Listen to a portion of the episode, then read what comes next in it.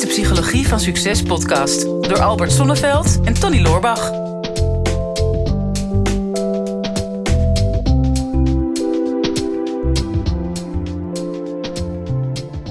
Tony, waar krijg jij nou stress van? Ik stress van krijg. Ja.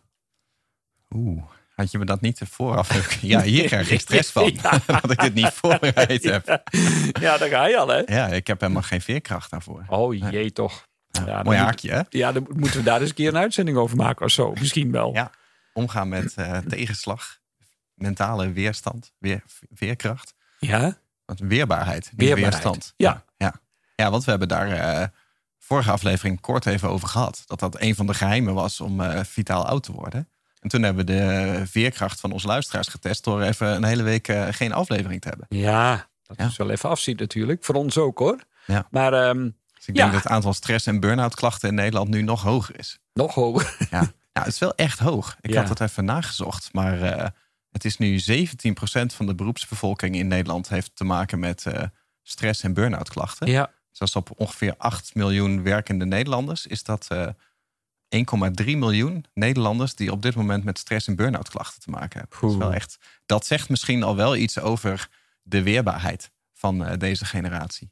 Ja, en die zal ook wel zeggen dat er veel veranderd is in, in, in de laatste jaren. En dat er veel meer onzekerheid is gekomen. Dat is ook zo. hè. Mhm. De- ja, het zijn hele onzekere tijden. Maar die hebben we eerder gehad eh, in de geschiedenis. Ja.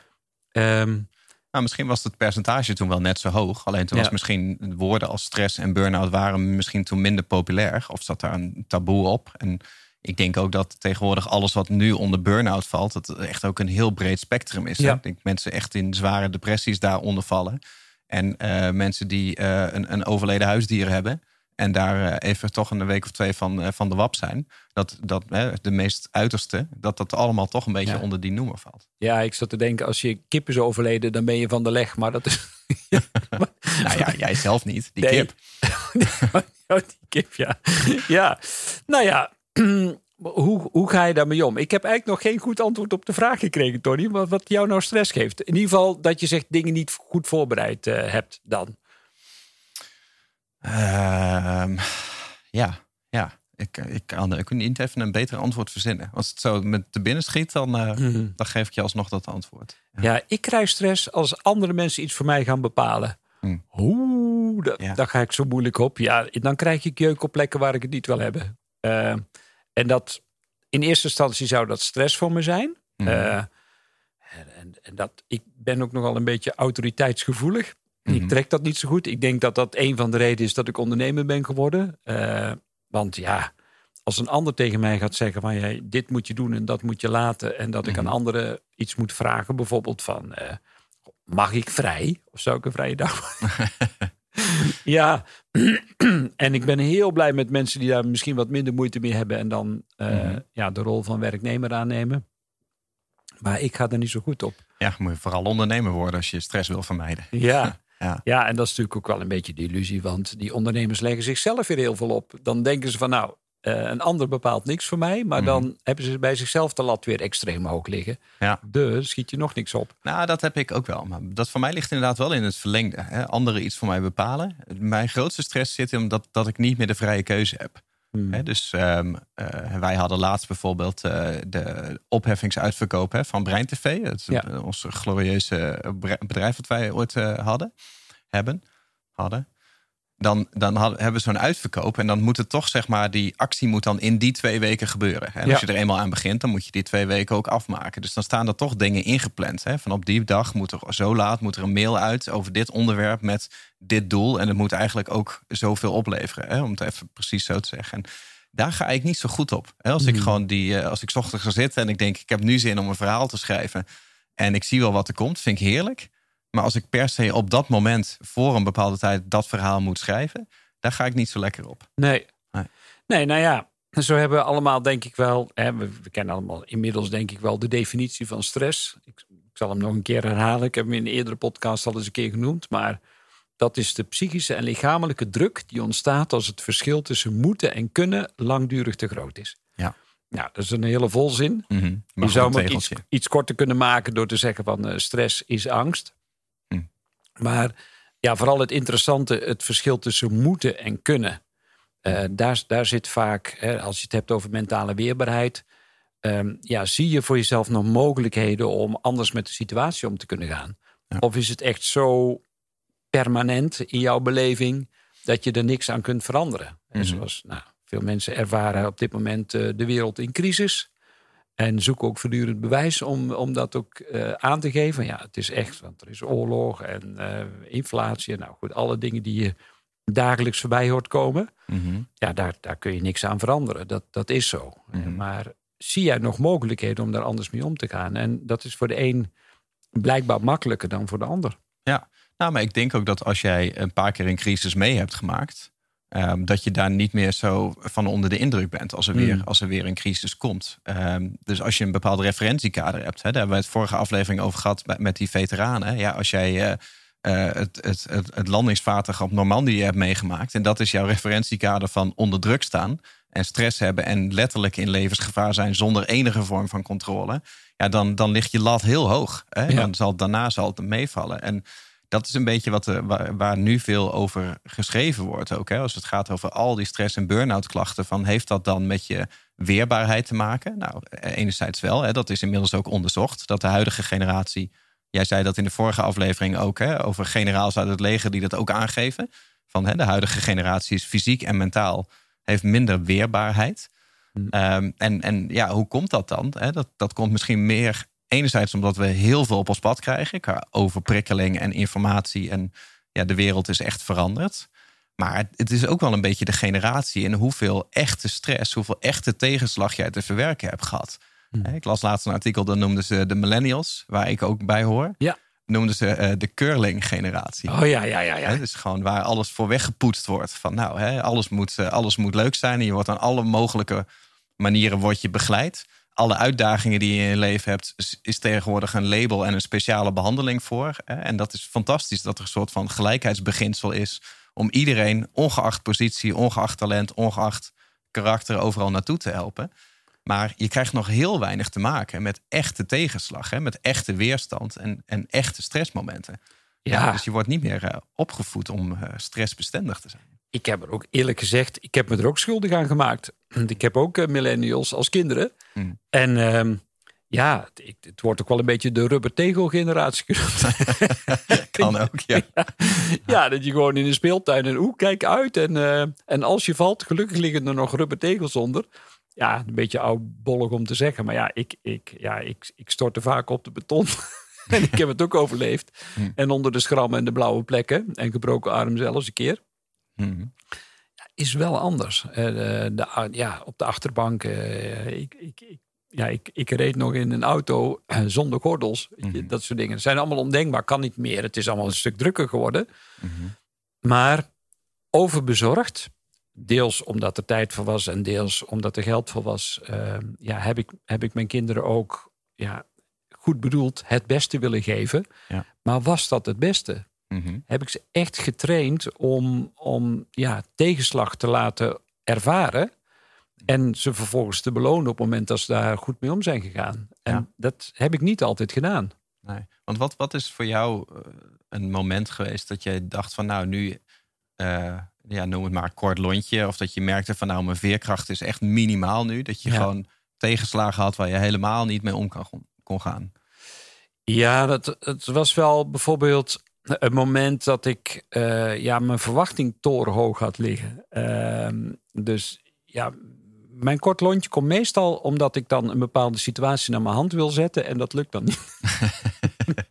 en ja, uh, ik, ik ga nu verhuizen en ehm, ja, dan, dan krijg ik een, bijvoorbeeld een, een callcenter aan de telefoon van een internetaanbieder. nou, iedereen kent die voorbeelden wel, denk ik. Dat je, ik weet niet hoe lang in de wacht wordt gezet en dan uh, van het kastje naar de muur wordt gestuurd. Um, ja, ik, ik ervaar dan een soort onmacht. Dat ik over ben geleverd aan een, aan een autoriteit. Um, en dan ja, maar moet afwachten of wanneer er dan iets in beweging gaat komen. Terwijl ik heel mhm. graag, ik, ja, ik wil mijn Mhm. En uh, ja, ik wil straks ook uh, gas en elektriciteit. Uh, klinkt vreemd in deze tijd, maar ja, ik mhm. wil het nog steeds. Ja, um, ondanks de hoge prijzen. en als ik zie wat ik daar dan voor moet doen, dat, dat zijn momenten dat ik een kort lontje heb. Ehm, situaties waarin ik eh, van mijn gevoel onvoldoende grip heb op, eh, op de uitkomst. Dat is het eigenlijk. Mhm. Ik ben zo gewend om zelf mijn eigen uitkomst te creëren. Mhm. En als ik dan overgeleverd ben aan een autoriteit, dan wordt het voor mij lastig. Maar ik, maar ik kan me voorstellen dat het niet een vaste waarde in je leven is, toch? Er zijn momenten dat je bijvoorbeeld heel lekker in je vel zit, om het zo maar te noemen, dat je een hele hoge veerkracht hebt. En momenten dat je er niet lekker in zit, dat je met dit soort dingen niet om kan gaan. Ja, dat klopt. En dus dan is mijn buffer, Mm. zo noem ik hem eh, maar, eh, ja, die is dan echt kleiner geworden. Mhm. En dat heeft dan met heel veel dingen te maken. Dan, ik merk ook, als ik drukker ben, dan heb ik de neiging om net iets meer te snacken en te snaaien. Net iets sneller gewoon maar even iets te halen. Of net iets meer zakenlunches in te plannen. Mhm. Dus dan heb ik mijn voeding niet helemaal op orde. Ik, ik ga ontzettend goed in dagelijks in de natuur zijn. Maar dan ja, zijn er steeds meer dagen in de week dat ik dan niet gewandeld of gefietst heb Mhm. of gezwommen heb buiten. Nou, dan merk ik ook dat ik mijn contacten, mijn verbindingen een beetje verzaakt heb. Dus dat de Mhm. mensen waar ik altijd ook een soort voeding van krijg, een goed gesprek, een diepgang, of juist een relativerend gesprek, of dat ik mijn emoties even kan delen. Dat, dat schiet er dan ook binnen, want dan heb ik het zogenaamd te druk. Meer isoleren. Dan isoleer ik mezelf meer. Mhm. Ja, en dan merk ik ook, ja, dan word ik sm- smorgens wakker. Dan denk ik, ja, waar doe ik het allemaal voor? En zeker niet depressief, maar er zijn dan een beetje van die Mhm. zingevingsvragen die dan komen. Daar kan ik dan niet precies de vinger op leggen van, ja, is dit nou echt wat ik wil? Of Mhm. ik sta dan niet zo te trappelen om aan de dag te beginnen. En dan merk ik, oh ja, nu moet ik gaan opletten. Als ik mijn slaap dan ook nog verwaarloos, wat dan Mm. vaak ook nog gebeurt. Op een of andere manier heel gek, maar dan, dan ga ik later naar bed. Als ik echt weet waar ik voor, eh, voor leef. Mhm. En, en als ik alles op orde heb en alles zit in de flow, dan lig ik ook op tijd te bed. Maar als ik het dan tussen aanhalingstekens te druk heb gehad met allerlei dingen, ehm, schuift mijn, mijn slapenritme op. Mhm. Slaap ik minder. Dan zit ik op het eind van de avond, ja, ik heb nog niet voldoende tijd voor mezelf gehad. Ja, heeft de dag geen voldoening gebracht. Ja, Ja. en dan, dan wil Als ik je dan nog, nog maar twee uur langer wakker blijft, dan komt Ja. er misschien nog iets van voldoening. dan heb ik er nog iets uitgehaald of zo. Ja. Nou ja, dat zijn allemaal signalen bij mij dat ik weet, oh oh, nu dreigt mijn mentale veerkracht af te nemen.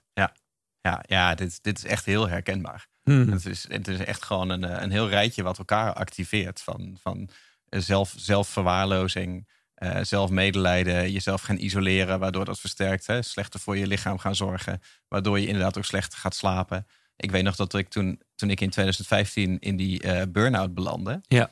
Dat was ook het eerste wat jij tegen me zei. Van nou, weet je, vergeet even alles. Maar één ding waar je nu op moet gaan letten is, is op je slaap. Dat, dat is waar het mee gaat beginnen, zeg maar. En dat, dat merk ik nu nog steeds. Dat als mijn veerkracht laag is, ik wil ook nog wel eens een kort lontje hebben. Mhm. Dan, dan merk ik het aan mijn emoties. Van nou, hè, een, een, eh, klein beetje goed nieuws. Dan sta ik echt eh, met, met een trompet in de gang, zeg maar. En een heel klein beetje negatief nieuws. Dan denk ik, oh joh, wat Ja. vreselijk. Het gaat, eh, alle- alles gaat naar de getver. In mijn bedrijf ook. Hè, dan denk ik, eh, klein beetje positief nieuws. Iemand koopt een product. Bijvoorbeeld in die tijd dat het slecht ging. Ik maak één verkoop. Dan denk ik, oh man, ik word multimiljonair. Hou mij in de gaten. ja. En dan eh, zag ik één advertentie van een concurrent. Die dan net een nieuwe functie aan zijn software had Hmm. toegevoegd. Die wij nog niet hadden. En toen dacht ik, nou, we zijn volgende week failliet. En dat Ja. kon echt letterlijk binnen vijf minuten van elkaar gebeuren. Denk ik, ik heb hetzelfde bedrijf. Vijf minuten geleden dacht ik dat ik de wereld zou veroveren. En nu denk ik dat we failliet gaan. Dus dan merkte ik dat dat heel erg schommelde. Dat je gewoon, je hebt nul veerkracht om, Ja. om, om je staande te houden in zo'n storm. Of het nou positief of, eh, of neg- negatief is. En eh, ik merkte dan precies deze dingen. Hè? Dus gewoon isoleren, niet meer in verbinding zijn, slecht slapen, slecht eten. En al die dingen samen, dat wist ik toen nog niet. Ehm, dat veranderde ook mijn hormoonbalans. Ja. En dan kwam ik toen bij, eh, bij Michael, toen ik met eh, personal trainer daar aan de slag ging, merkte ik dat op een gegeven moment. Dat, ehm, dat ik ging trainen en ik zat er niet heel goed in die dag. En ik was een halter aan het duwen. En eh, op een gegeven moment moest ik huilen. Dus ik kreeg Oh ja. van tranen in mijn ogen van het duwen van die halter. En ik had echt zoiets van, ja, dit is me echt nog nooit overkomen. Wat raar. Dus ik had het daar met hem over. Hij zei, ja, dat, dat gebeurt hier wel vaker hoor. Hij zei, eh, als je een trainer hebt, ja, die duwt jou over een grensje... waar je normaal gesproken net niet meer overheen zou gaan. Nou, toen ging die eh, eh, huidplooimeting doen en wat waardes controleren. Toen zei hij, ja, hij zei bij jou, jouw testosteron is te laag en oestrogeen is jouw dominante hormoon. En dat verklaarde het een en ander, zeg maar, qua twijfel en, en, en hoog in de emotie, moeite met beslissingen nemen en, en ook minder die, die, die wil om hard te trainen en om te groeien. Daar schrok ik toen echt heel erg van. Daar was me, echt, was me helemaal niet bewust van. Nee, ja, en dat, je kunt het niet loszien van elkaar. Hè? Veel mensen denken nog lichaam en geest. Maar ja, het, het, het, is gewoon één geheel. Dus op het moment dat er in je geest iets verandert, heeft dat direct effect op je lichaam en andersom. Mhm. En ja, de hormonen, ja, dat, dat zijn de boodschappers. Ik altijd, uh, ja, die, die moeten de vertaling brengen van wat er in je, in je gedachten gebeurt. Uh, die worden vanuit je brein aangestuurd ook. En vervolgens uh, in je lichaam doen ze hun werk. Mhm. En andersom, het lichaam zorgt ook weer voor signalen richting de hormoonklieren. Dus ja, dat is een voortdurende interactie. Maar ja, dat is een heel, heel, heel dun gebied. Mhm. Waarvan we vaak denken van, oh ja, ja als, ik, als ik mijn omgeving maar op orde heb, dan komt alles in, in orde. Nee, het is, het is voortdurend moet je opnieuw verhouden ten opzichte van veranderende omstandigheden. Mhm. En, en dat is de grote uitdaging steeds als je met stress wil omgaan, zeker in deze tijd. Heb je die veerkracht nog? Mhm. Ja, dan komt natuurlijk eh, de, de allerbelangrijkste vraag, de million dollar question. Ja. Wat, hè, misschien zullen we maar weer de bekrachtigende vraag noemen. Ja.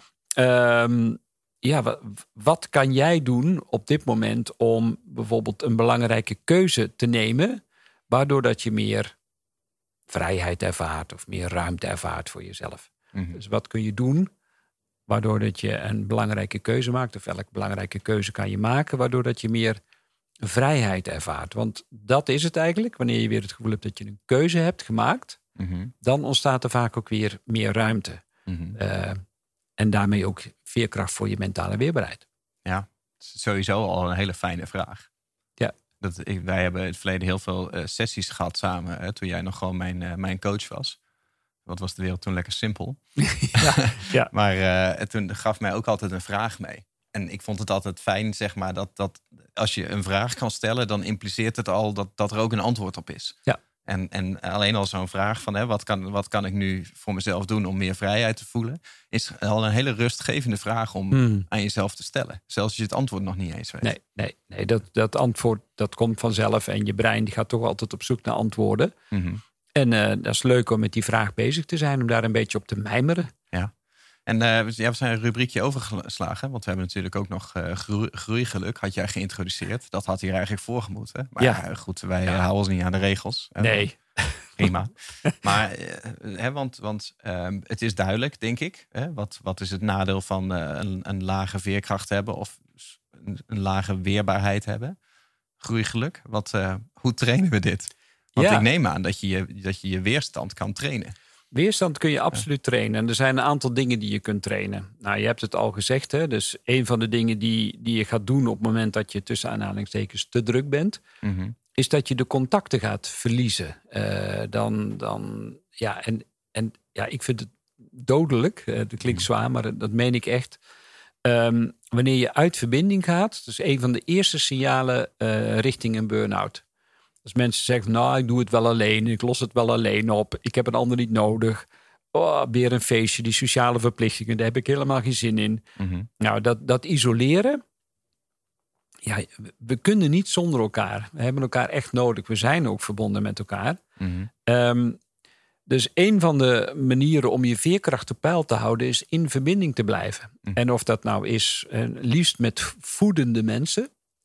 Dus je, je, je zou al een lijstje kunnen maken van, van welke mensen krijg ik energie en welke mensen kosten energie. Mhm. Kun je ook van activiteiten zo'n lijstje maken. Dat is ook al een, eh, een groeigeluk eh, opdrachtje. Mhm. Dat je ehm, denk, opschrijft, heel simpel A4'tje over de lengte, een, eh, een streep in het midden. En een linkerkolom, wat geeft me energie. Rechterkolom, wat kost me energie. Mhm. Ehm, en die activiteiten, die weet je wel. Dat is echt geen rocket science.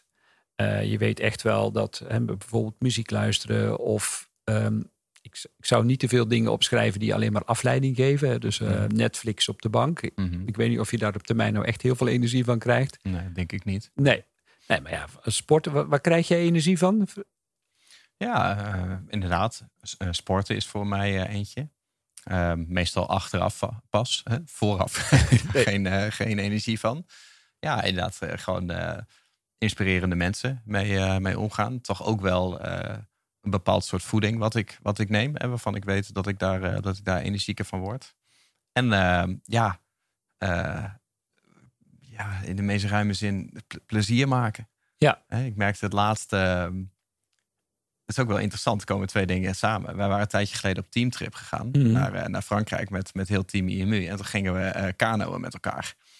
Puur uh, ter ontspanning. Nou, ik krijg daar energie van. We gaan iets leuks doen. We zijn met leuke mensen. Lang leven de lol. Nou, daar, daar bouw ik nou echt energie van op. Maar ik ben natuurlijk wel competitief. We gaan het natuurlijk niet puur voor de hobby kanoën. Nee, dus ik wil iedereen inhalen. En we zaten dan met drie mensen in een kano. En nou ja, ik was echt als een bezetene aan het roeien. En ik had al drie kano's ingehaald voor me. Terwijl dat was helemaal, helemaal niet de bedoeling. Maar ik zag op een gegeven moment een kano voor mij. En uh, ik weet in ieder geval dat uh, Alex, eh, mijn compagnon in, in een van de softwarebedrijven, die zat daarin. En die heeft ook een beetje dat competitieve. Dus die zag ik al steeds achterom kijken. En ik kon hem maar niet inhalen. Dus we zijn echt al twintig minuten. Hmm. ben ik me echt drie slagen in de rond aan het roeien. Maar, ja, maar als je met een kano gaat roeien, dan komt het ook niet goed. Toch? Nee, ik was met pedal aan. uh, ja, dan ga je de verkeerde kant op. Ja, ja, ja. oké. Nou, prima. Maar uiteindelijk, dus ik kon hem maar niet inhalen. Ja. En toen op een gegeven moment waren zij gestopt. Omdat ze een andere kano ingehaald hadden. En hmm. zij waren even wat eten en drinken aan het uitwisselen. Dus wij kwamen daar voorbij varen. Ja. En ik had echt zo'n overwinning van... Ik heb twintig minuten hard gewerkt en nu gaan we er voorbij. Dus we kwamen echt op een slakkengangetje. We waren ook gestopt met roeien er voorbij drijven. dus ik zei nog, later losers. En dat was heel mooi beeld, omdat we echt maar met een halve kilometer per uur er voorbij gingen. Hmm. Maar toen waren we er net voorbij en toen, toen pakte hij de achterkant van onze kano. En toen trok hij ons naar achteren. En toen voelde ik echt van, oké, dit was mijn mentale knak. Het is een beetje zo'n demarage van bij de Tour de France. Van dat, dat, dat er ineens een groot verschil is en dat je echt mentaal, dat je echt opgeeft. Terwijl ik denk van ja, maar fysiek was ik helemaal in orde. Hmm. En ik had, ik had heus wel doorgekund. Maar dan merk je wat voor impact dat, dat mentale, die, die weerbaarheid op je heeft. Want, Absoluut. Want, uh, het is puur je mindset wat er op dat moment verandert. Die aangeeft van nou, dit, dit, gaat, dit gaat hem niet meer worden. Dit gaat hem niet meer lukken. Nee. Ja. Nee, ja, dat dus. Hè. Dus uh, connectie, uh, competitie, uh, leuke ja. dingen doen. Um, ja, leuk is voor iedereen verschillend. Waar krijg ik energie van? Wat, wat kost me energie? Dat zou een mooie opdracht kunnen zijn. Geen open eindjes. Als er iets is wat jouw mentale weerbaarheid aantast, is unfinished business. Mm -hmm. Dus als je ervoor kunt zorgen dat ja, kleine en grote open eindjes. Hè, want um, ja, misschien zijn er grote dingen ik, ik, ik ben nu bezig met die verhuizing. Ja, daar zijn er heel veel dingen die nu afgerond moeten worden. Uh, maar ieder taakje is er weer één. En iedere dag doe ik wel iets. Al is het maar weer een la leegmaken. Of al iets uh, gaan inpakken of dingen weggeven. Mm -hmm. um, alles draagt bij. En ook uh, nutsbedrijven regelen. Bijvoorbeeld. Dat zijn weer grote dingen. Mm -hmm. um, maar maar als je een conflict hebt binnen de familie of uh, binnen de vriendenkring, uh, wat ook allemaal misschien al jaren blijft slepen, los het op, spreek het uit, wees er eerlijk over, draag geen geheimen bij je. Waarom zou je het doen? Het zijn allemaal energieslurpers die op het moment dat het een keer spannend wordt in je leven, ja, funest kunnen worden. Mm. Oh, sorry, ik zat er echt helemaal, helemaal in. ja, eigenlijk had ik hem hier wel gewoon kunnen afronden. Hè? Ja, ja, nou ja, dat is misschien ook een mooie, mooie afronding. Dus uh, wat is jouw lijstje van uh, energiegevers en uh, energiekosters? Hè, kosters? Ja, prima. ja, bimbam. ja, ik weet niet hoeveel kosters jij kent. ik ben al heel lang geen misdienaar meer. Trouwens nooit geweest. Dus zoveel kosters ken ik niet. nee, nee, dus wat kost je energie? Um, ja, neem jezelf serieus en, en pak het ook aan. Dat is uh, misschien wat er veranderd is in onze podcast. Dus niet alleen maar consumeren, maar het is ook in beweging komen. En dan ziet jouw leven er over een x-tijd gegarandeerd mooier, leuker, geweldiger, fijner en meer ontspannen uit. Dit is de Psychologie van Succes podcast door Albert Sonneveld en Tony Loorbach.